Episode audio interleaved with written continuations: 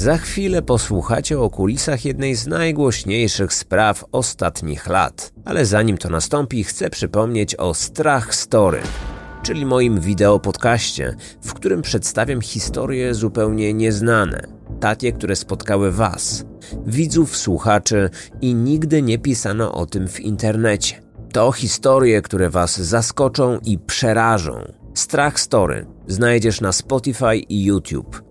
Link do wideo podcastu zamieszczam w opisie.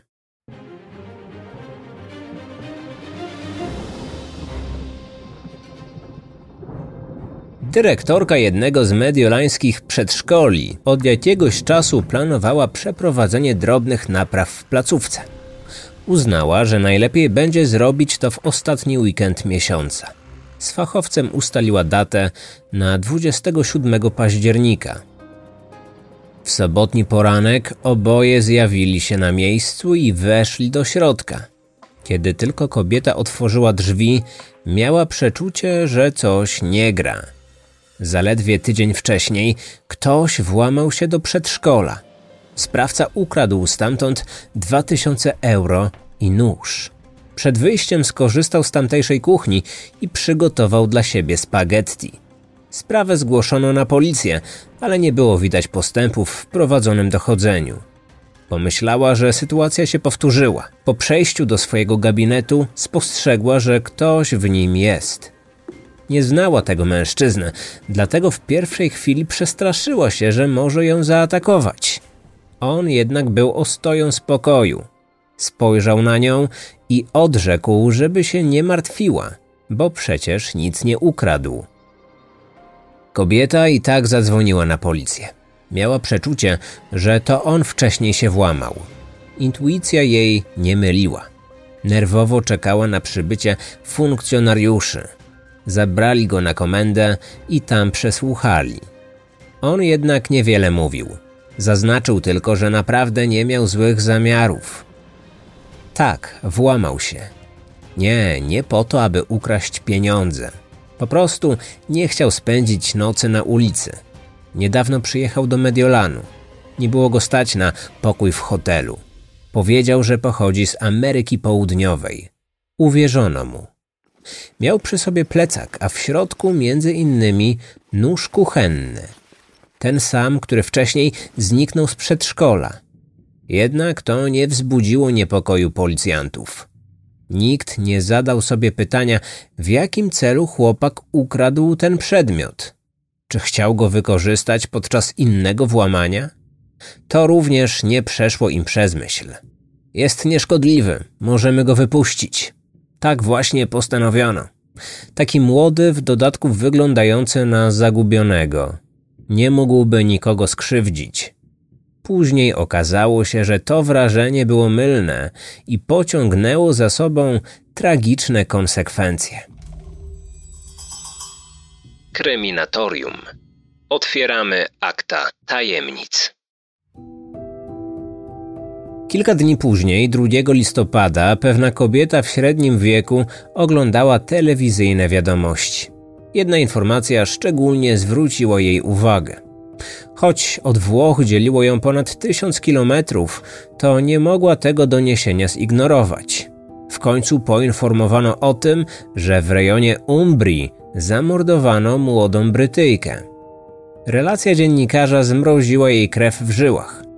Przecież dwa miesiące wcześniej córka tej kobiety wyjechała właśnie tam na wymianę studencką. Zaniepokojona matka od razu zatelefonowała do 21-latki, ale ta nie odbierała. Kolejny telefon wykonała do byłego męża. Kiedy mężczyzna usłyszał jej słowa, zaczął ją uspokajać. Nie dopuszczał do siebie myśli, że ich dziecko nie żyje. W końcu Italia cieszy się sporym zainteresowaniem brytyjskich studentów. Dlatego wciąż powtarzał, że to na pewno jakaś inna dziewczyna. Jednocześnie obiecał byłej żonie, że postara się skontaktować z ich córką. Do tej pory ojciec dość często do niej dzwonił. Ostatni raz rozmawiali dzień wcześniej. Ich rozmowa trwała raptem kilka minut. Dziewczyna opowiedziała, że ma plany na wieczór. Chciała spotkać się z koleżankami z uczelni. Teraz nie mógł się do niej dodzwonić. Jego córka miała dwie komórki, ale żadnej nie odbierała. Nie zdawał sobie wówczas sprawy, że oba urządzenia już od jakiegoś czasu nie były w jej posiadaniu. Mężczyzna był z zawodu dziennikarzem, więc wiedział, z kim powinien się skontaktować. Wybrał numer do reportera Daily Mail, który zajmował się sprawami z zagranicy. Jeśli ktoś miał wiedzieć cokolwiek o śmierci Brytyjki w Perugii, to tylko on. Zmartwiony ojciec usłyszał, że na razie niewiele wiadomo o tej sprawie. Poradzono mu, by zadzwonił za godzinę, bo wtedy być może pojawią się nowe informacje. W międzyczasie mężczyzna pocieszał żonę. Wciąż wierzył, że zamordowano kogoś innego. Czuł nawet współczucie dla rodziny tej nieznanej mu ofiary. Nie potrafił sobie jednak wyobrazić siebie na ich miejscu.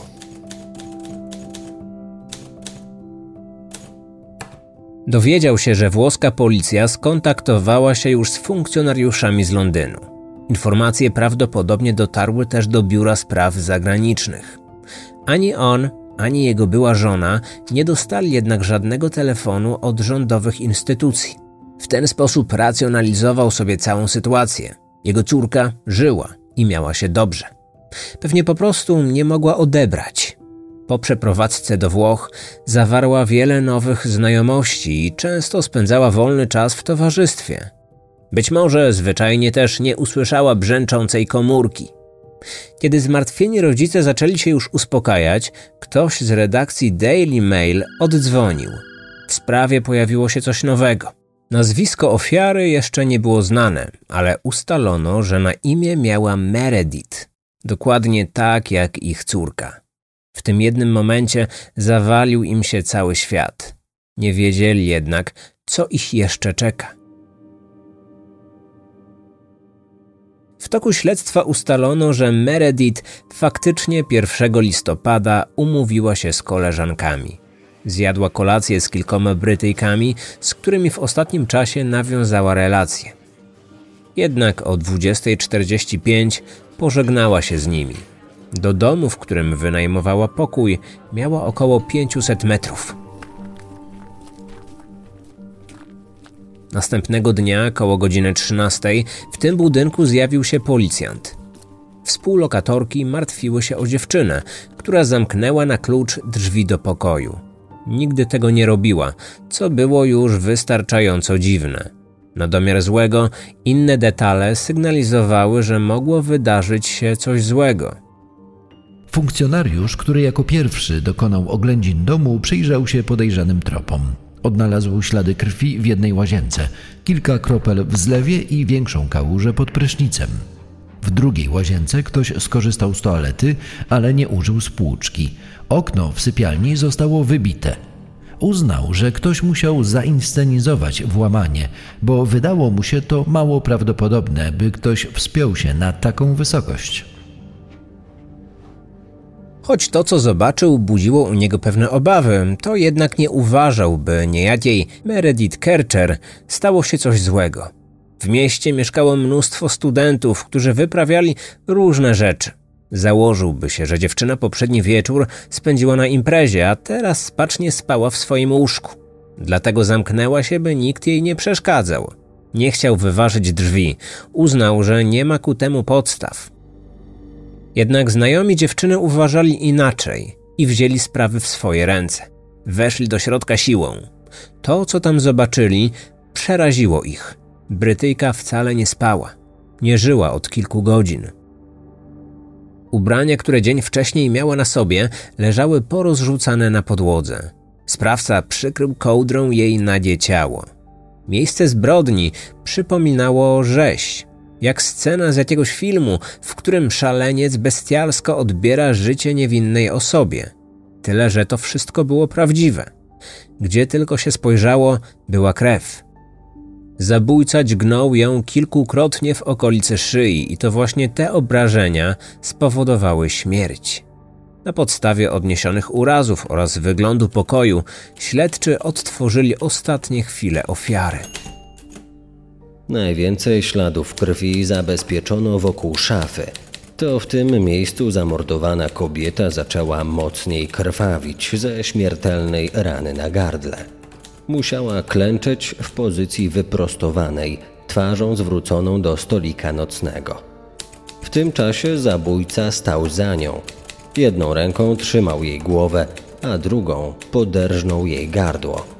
Upadła na prawy bok, a sprawca przeniósł ją tam, gdzie później odnaleziono zwłoki. Specjalista stwierdził, że przed śmiercią Meredith odbyła stosunek seksualny, o czym świadczyła obecność nasienia. Śledczy uznali, że prawdopodobnie doszło do zgwałcenia, co nadało sprawie sadystyczny wydźwięk. Zaczęto rozważać opcję, że Brytyjka zmarła w wyniku nieszczęśliwego wypadku podczas orgii. Uznano, że w zdarzenie zaangażowanych było więcej osób. Zatem policjanci powinni szukać nie jednego sprawcy, a kilku. Tym bardziej, że w pokoju ofiary odnaleziono materiał biologiczny dwóch mężczyzn, między innymi na jej staniku. To tylko utwierdziło stróżów prawa w przekonaniu, że podążają właściwym tropem.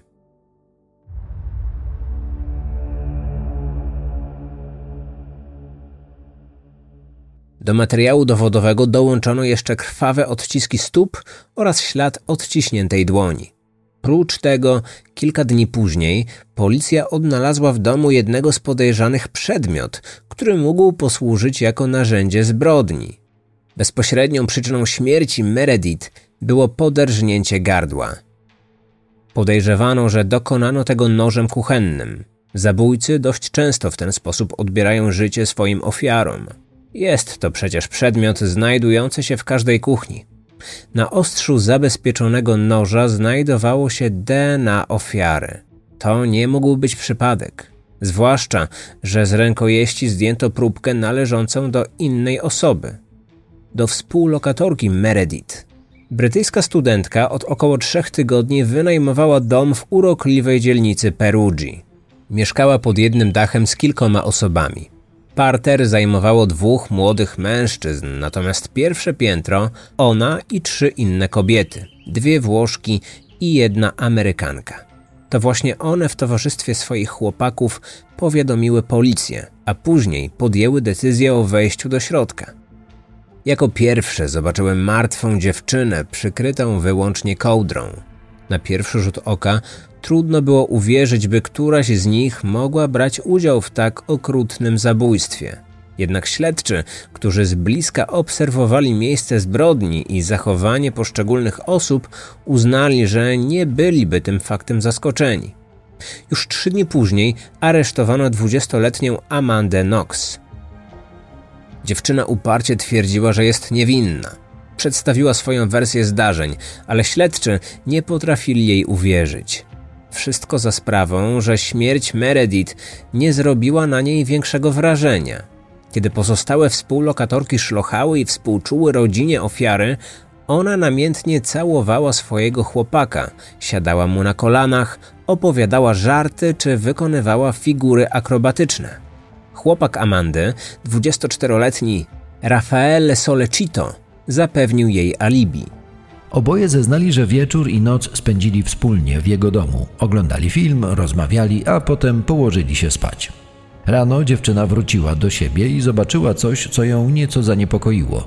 Jednak nie pomyślała wówczas, by sprawdzić, czy koleżanka jest w swoim pokoju. Zamiast tego wróciła do chłopaka, a potem przyszła razem z nim do wynajmowanego domu.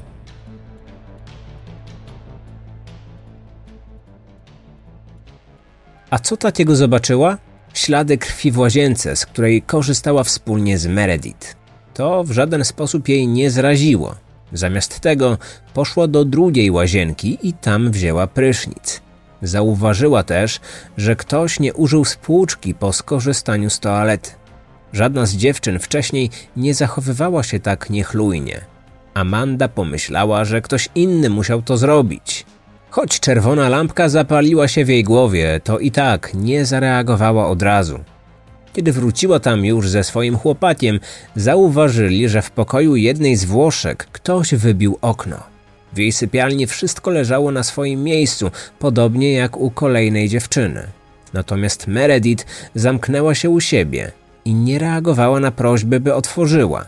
Wtedy Amanda zadzwoniła do jednej ze współlokatorek.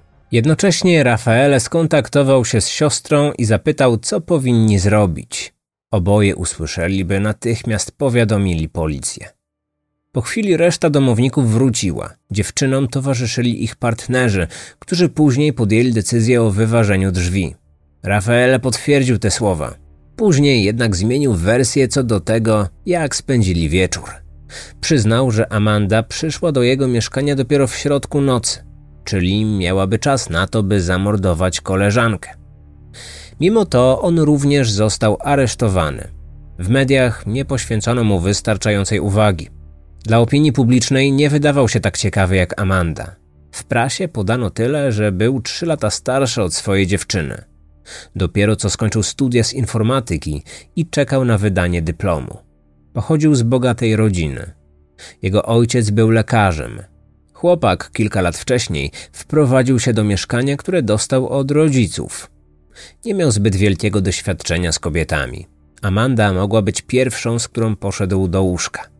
Poznali się na koncercie muzyki klasycznej w ostatnim tygodniu października. Wystarczyła krótka wymiana spojrzeń, by się sobą zainteresowali. Parą zostali praktycznie od razu. Spędzali razem każdą wolną chwilę. Znali się krótko, ale twierdzili, że połączyło ich płomienne uczucie. Oprócz tej dwójki ujęto jeszcze jedną osobę, którą wskazała Amanda.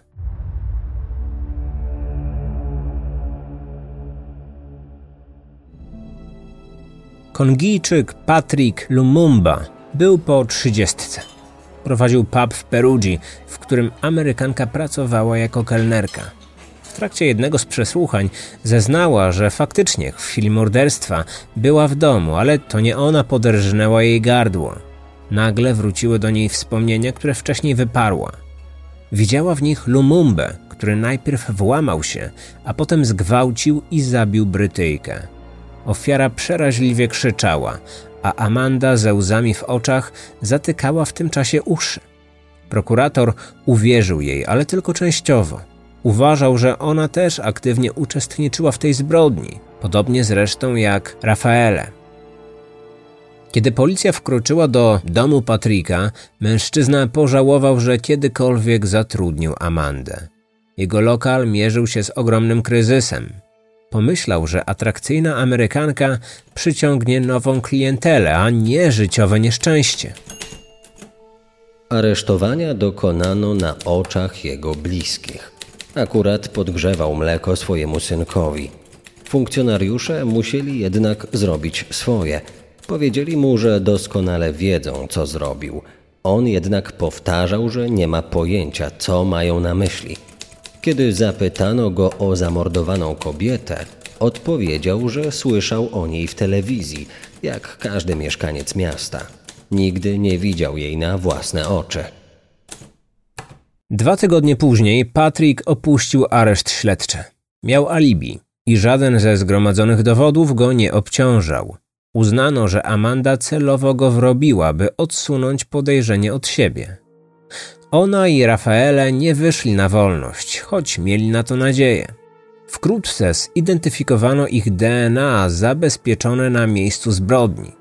Znalazło się ono w odcisku palca Solecito, pozostawionym na staniku ofiary oraz w krwawych śladach stóp Amandy.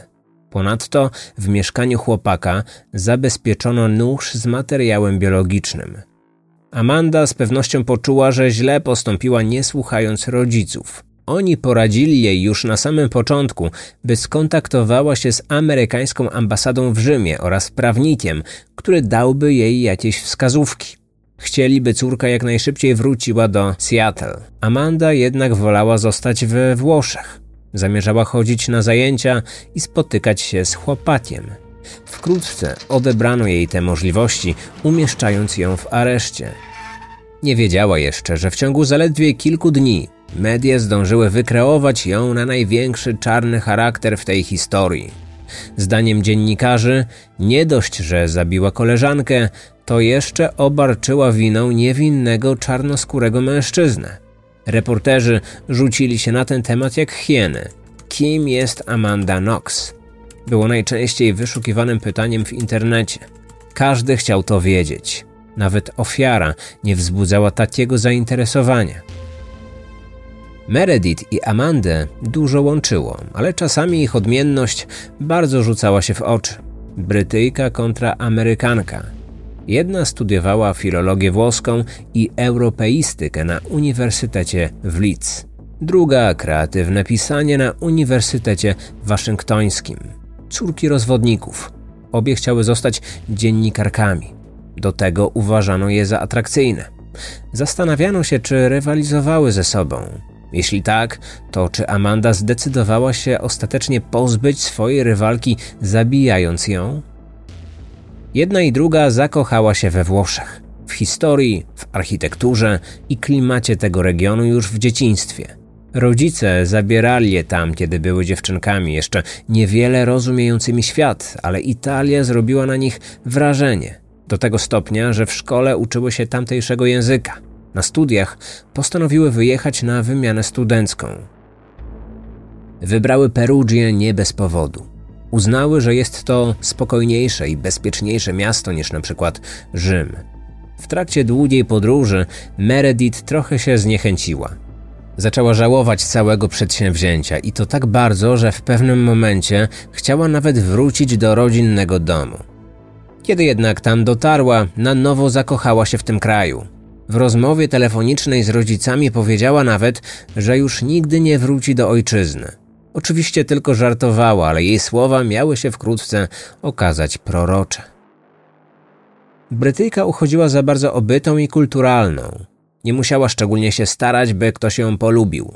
Amanda też była sympatyczna i ludzie do niej lgnęli, ale czasami swoim zachowaniem wprowadzała ich w zakłopotanie.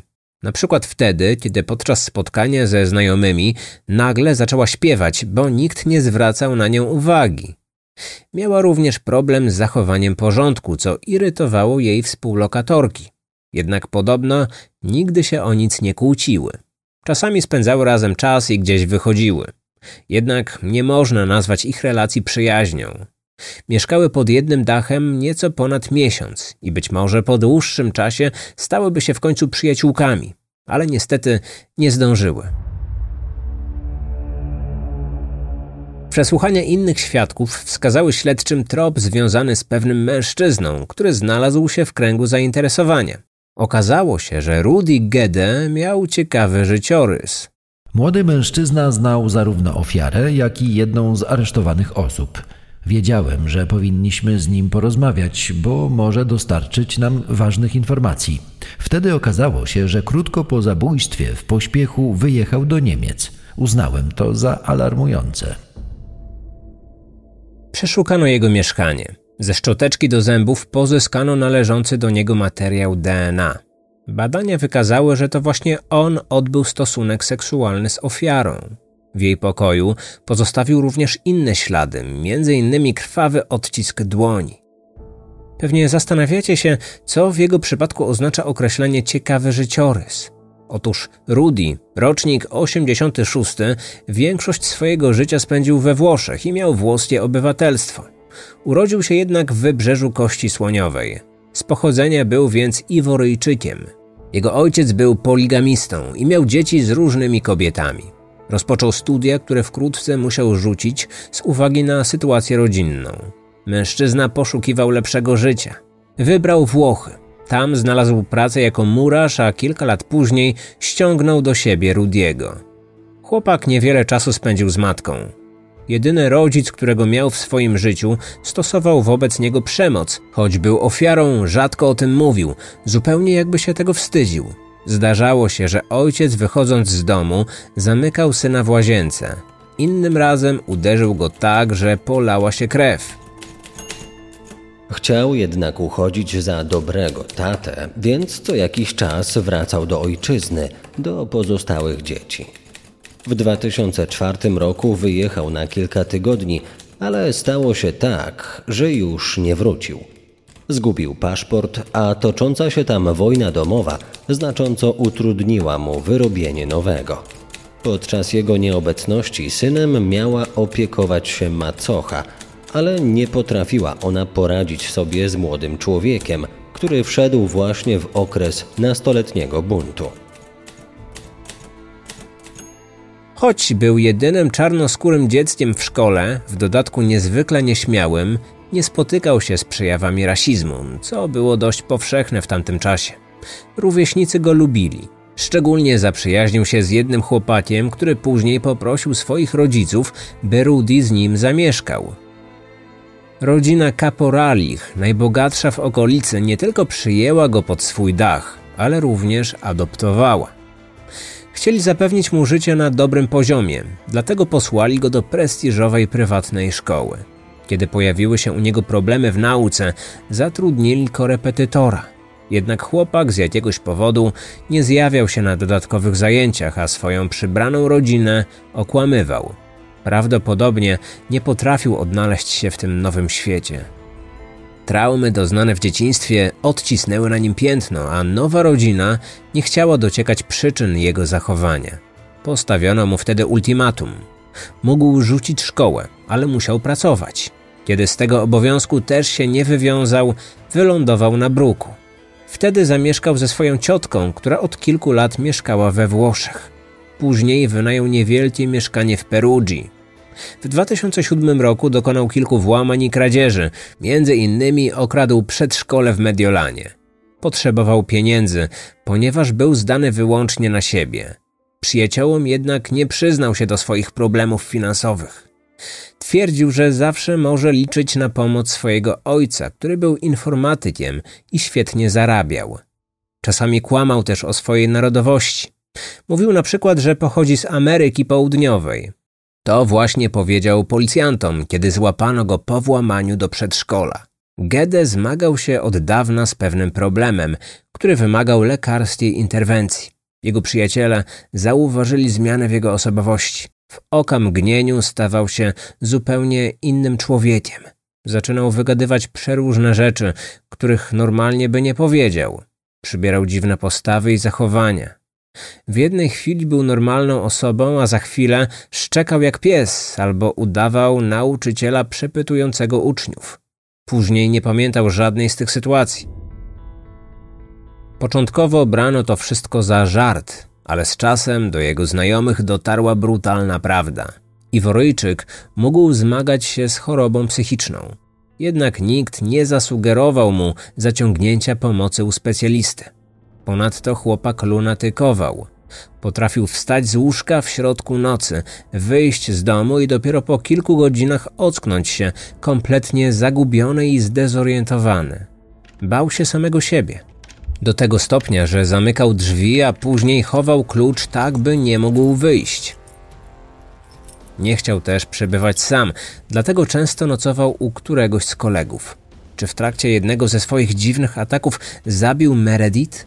To właśnie próbowano ustalić. Kiedy sprowadzono go z Niemiec do Włoch, chłopak twierdził, że był niewinny, że nie mógłby tego zrobić. Brytyjka bardzo mu się podobała. Uważał, że jest fajną dziewczyną i chętnie wybrałby się z nią na randkę. Poznał ją zupełnie przypadkowo. Kilku chłopaków, którzy zagadali do niego w pubie, zaprosiło ich do siebie. Wynajmowali parter domu, w którym później doszło do tragedii.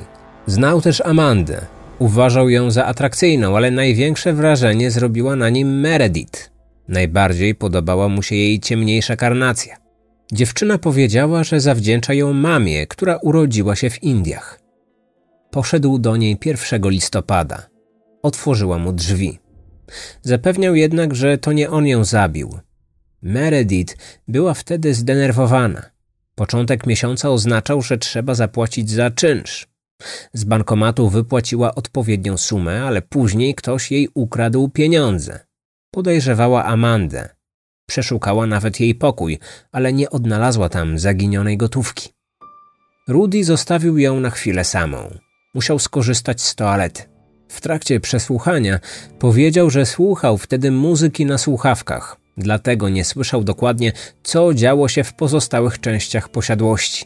Dobiegały do niego jednak pewne dźwięki jakieś głosy, a później przeraźliwy krzyk. Kiedy odnalazł Meredith, ta już leżała na podłodze we krwi. Obok niej stał mężczyzna.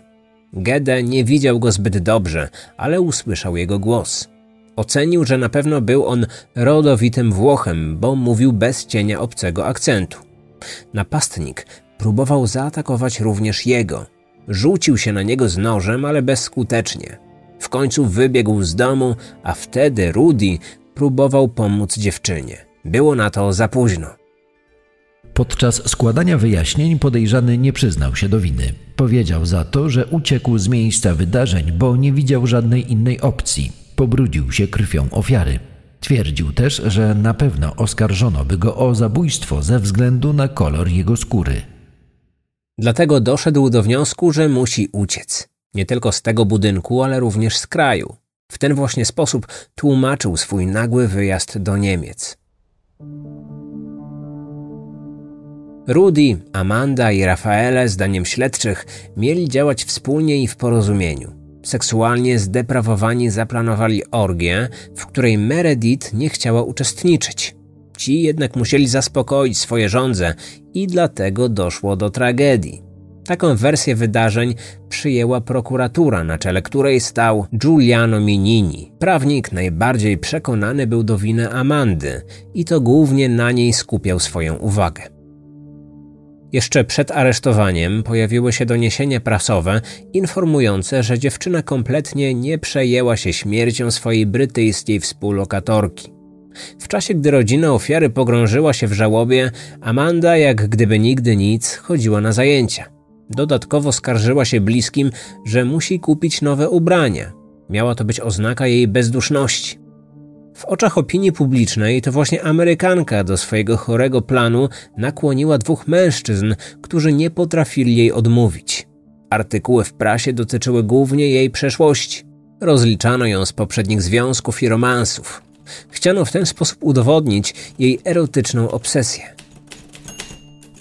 Dziennikarze weszli nawet w posiadanie jej pamiętnika, pełnego osobistych zapisków z czasu pobytu w areszcie śledczym. Publikując je, pogwałcono jej prywatność. Opinia publiczna poznała liczbę partnerów seksualnych podejrzanej, co wywołało niemałe kontrowersje. Coraz częściej zaczęto ją wtedy określać najróżniejszymi wulgarnymi epitetami. Śledczy wpadli na pomysł, w jaki sposób nakłonić ją do przyznania się do winy. Pomyślano, że strach przed śmiercią będzie najlepszym narzędziem. Zbadano ją, a następnie okłamano, że jest nosicielką wirusa HIV. Ta wiadomość załamała Amandę, która w swoim pamiętniku napisała, że nie chce umrzeć w więzieniu. Ta metoda nie poskutkowała. Kiedy oficjalnie postawiono trójce młodych ludzi zarzuty, postanowiono, że do czasu procesu będą przebywać w areszcie. Wydano też decyzję, że Gede zostanie osądzony w osobnym postępowaniu judicio abbreviato, czyli skróconym procesie. Rezygnuje się wtedy z fazy rozprawy, a werdykt zapada na podstawie dowodów zgromadzonych podczas śledztwa. Prawa oskarżonego wówczas są bardziej ograniczone niż w przypadku tradycyjnego procesu, ale może on za to liczyć na łagodniejszy wymiar kary. Pod koniec października 2008 roku, prawie rok po zabójstwie Meredith, zapadł wyrok w sprawie Rudiego. Uznano go za winnego i skazano na 30 lat pozbawienia wolności. Na miejscu zbrodni pozostawił po sobie wiele śladów, m.in. krwawy odcisk dłoni. Ustalono też, że to on odbył stosunek seksualny z zamordowaną. Proces pozostałej dwójki ruszył w styczniu 2009 roku. Oskarżenie oparto na kilku dowodach. Po pierwsze, nóż z DNA Brytyjki i Amerykanki znaleziony w domu jej chłopaka. Po drugie, krwawe odciski stóp Amandy w pokoju ofiary. Po trzecie, materiał biologiczny Rafaele na staniku Meredith. Śledczy doszli do wniosku, że oskarżeni upozorowali włamanie. Okno było zbyt wysoko, aby ktoś mógł wspiąć się i wejść w ten sposób do środka. Próbowano również wykazać, że Meredith i Amanda nie przepadały za sobą. Amanda podobno często narzekała na bałaganiarstwo współlokatorki. Wyrok zapadł kilka miesięcy później. Sąd stwierdził, że oboje są winni morderstwa. 25 lat pozbawienia wolności dla niego i 26 dla niej. Obrona od razu zapowiedziała odwołanie. Mniej więcej w tym samym czasie skrócono wyrok Rudiego z 30 na 16 lat.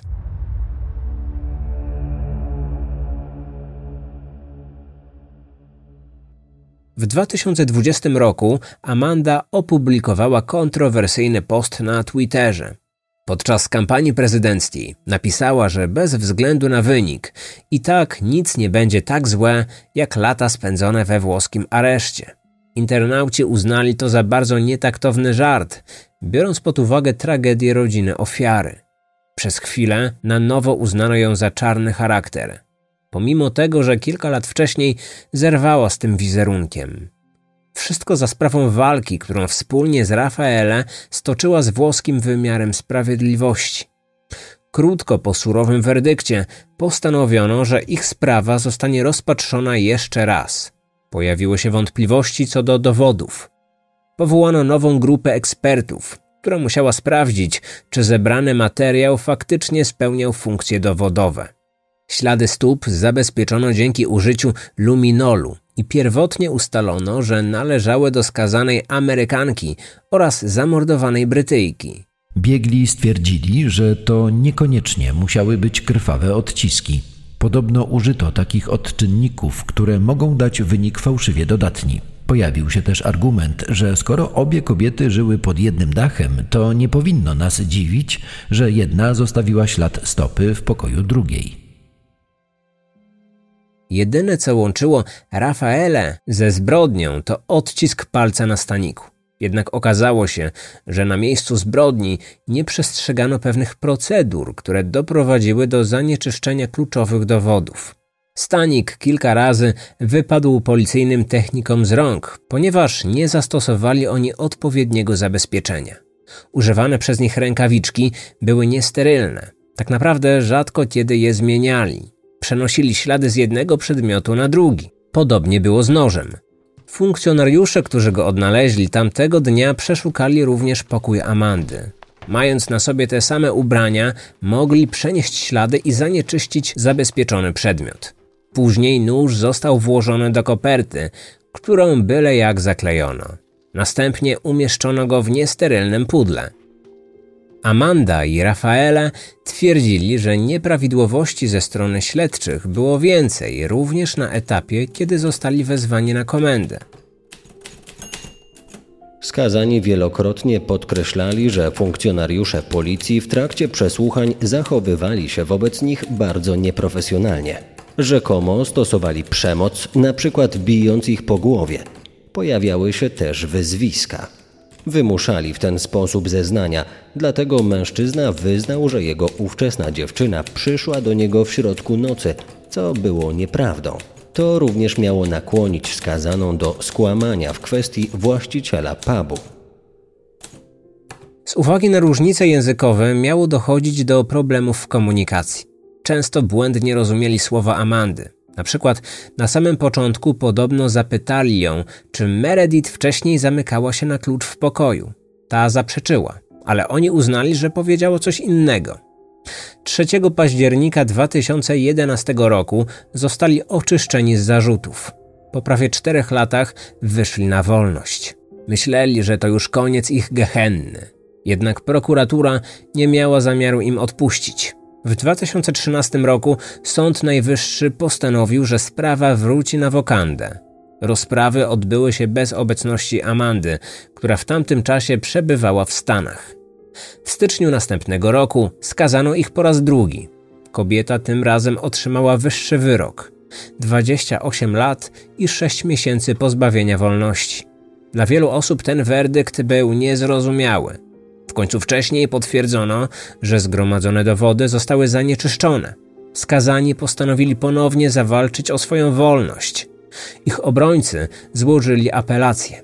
Nie dokonano ekstradycji, więc Amanda wróciła za kratki. Dla tej dwójki sprawa znalazła swój finał dopiero 27 marca 2015 roku. Sąd kasacyjny ostatecznie ich uniewinnił. Stwierdzono, że to niedopuszczalne, by skazać kogoś dwa razy na podstawie tak mało wiarygodnych dowodów. Amanda po wyjściu na wolność skończyła studia. Zaspokajając swoje pisarskie aspiracje, napisała książkę o przykrych doświadczeniach z włoskim wymiarem sprawiedliwości. Zaangażowała się w aktywizm i do dziś okazuje wsparcie wszystkim tym, którzy, tak jak ona, zostali niesłusznie skazani. Jest aktywna w mediach społecznościowych, zwłaszcza na Instagramie i Twitterze. 15 lat po zabójstwie spotkała się ze swoim byłym chłopakiem, Rafaele. Było to ich pierwsze spotkanie od momentu aresztowania. Zdjęcie, na którym stoją obok siebie uśmiechnięci, pojawiło się w internecie. Nie obyło się bez kontrowersji. Rafaele również wydał książkę, w której przedstawił swoją perspektywę. Jednak dziennikarze nie poświęcili mu już tyle uwagi co Amandzie. Uważano, że ten nieśmiały mężczyzna znalazł się pod znaczącym wpływem bardziej doświadczonej seksualnie partnerki. Dziś pracuje jako programista i jest zaręczony. Rudy Gede, czyli człowiek, którego oficjalnie uznano za zabójcę, też obecnie cieszy się wolnością. Dziś chętnie publikuje posty na Instagramie, gdzie chwali się m.in. swoją książką. Zakład karny opuścił pod koniec 2021 roku za dobre sprawowanie. Uznano, że proces resocjalizacji przebiegł w jego przypadku pomyślnie i że mężczyzna nie stanowi zagrożenia dla społeczeństwa. W trakcie śledztwa zdiagnozowano u niego fugę dysocjacyjną, co tłumaczyło jego nagłe zmiany osobowości. Mimo to schorzenie nie miało wpływu na popełniony czyn. Mężczyzna był w pełni poczytalny w chwili dokonywania zbrodni. Choć kryminolodzy zapewniają o jego pomyślnej resocjalizacji, on sam nigdy nie przyznał się do czynu, za który odpowiedział. Pozostał przy swojej pierwotnej wersji zdarzeń. Dodał tylko, że Amanda wówczas również była na miejscu i jest zamieszana w zabójstwo. Jego zdaniem na wolności znalazła się wyłącznie dlatego, że jest białą Amerykanką, a on, jako czarnoskóry mężczyzna, został kozłem ofiarnym. Prokurator, który odegrał ogromną rolę w śledztwie, również skłania się ku tezie, że dziewczyna widziała na własne oczy śmierć koleżanki. Choć początkowo nakręcił na nią nagonkę, to później, podobno, nawiązała się pomiędzy nimi przyjaźń. Od kilku lat utrzymują kontakt, głównie mailowy i listowny. Prawnik poznał nawet jej rodzinę. Amanda i Rafaele uważają, że zostali niesprawiedliwie potraktowani przez policję, prokuraturę, sędziów czy dziennikarzy. Ofiarą tej sprawy bez wątpienia jest też Patrick Lumumba, którego życie legło w gruzach. Musiał zamknąć pub i wyjechać z Włoch. Przeniósł się do Polski i dziś wraz ze swoimi bliskimi mieszka w Krakowie. Nigdy nie doczekał się przeprosin od Amandy, która wcześniej zrzuciła na niego winę. Liczy jednak, że pewnego dnia kobieta się zreflektuje i wykaże skruchę. Rodzice ofiary w dalszym ciągu nie mają poczucia sprawiedliwości. Uważają, że skoro śledczy założyli sprawstwo trzech osób, to trzy osoby powinny zostać skazane, a nie tylko jedna. Nie do końca wierzą w niewinność Amandy i Rafaela. Nie przyjęli też najlepiej informacji o wypuszczeniu Rudiego. Dziś nie chcą mieć nic wspólnego z nimi, zwłaszcza z Amandą. Amerykanka próbowała nawiązać kontakt z rodziną zamordowanej, ale ci wolą, by trzymała się od nich z daleka. Mają również pretensje do dziennikarzy, którzy kompletnie zbagatelizowali wątek ich córki, a światła reflektorów skierowali na Amandę. Prawdą jest, że większość prasowych doniesień dotyczyła właśnie jej. Nawet pozostali podejrzani nie zyskali takiego czasu antenowego. Z ofiary uczyniono jedynie drugoplanową postać w tej historii, choć to ona została w brutalny sposób pozbawiona życia. Moim priorytetem w tej sprawie było dostarczenie rodzinie informacji, kto zabił ich ukochane dziecko i zrobienie wszystkiego, by zapadła sprawiedliwość. Powtarzają, że całą uwagę skupiłem na oskarżonych, że o ofierze kompletnie zapomniano, wymazano ją ze sprawy. Rodzice Meredith zmarli kilka lat temu. Ojciec napisał książkę stanowiącą hołd dla zamordowanego dziecka. Do końca swoich dni wraz z byłą żoną walczyli o to, by pamięć o dziewczynie została zachowana. Dziś to zadanie spoczywa na rodzeństwie, które mimo upływu lat nie może pogodzić się ze śmiercią ukochanej siostry.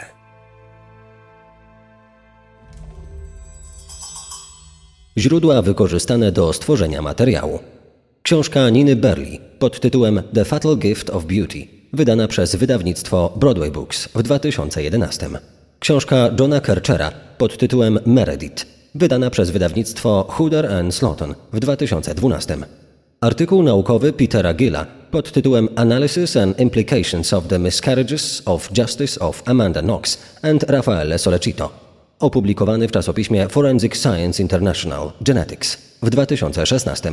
Artykuły z takich portali informacyjnych jak Independent, New York Post, The Guardian czy The Mirror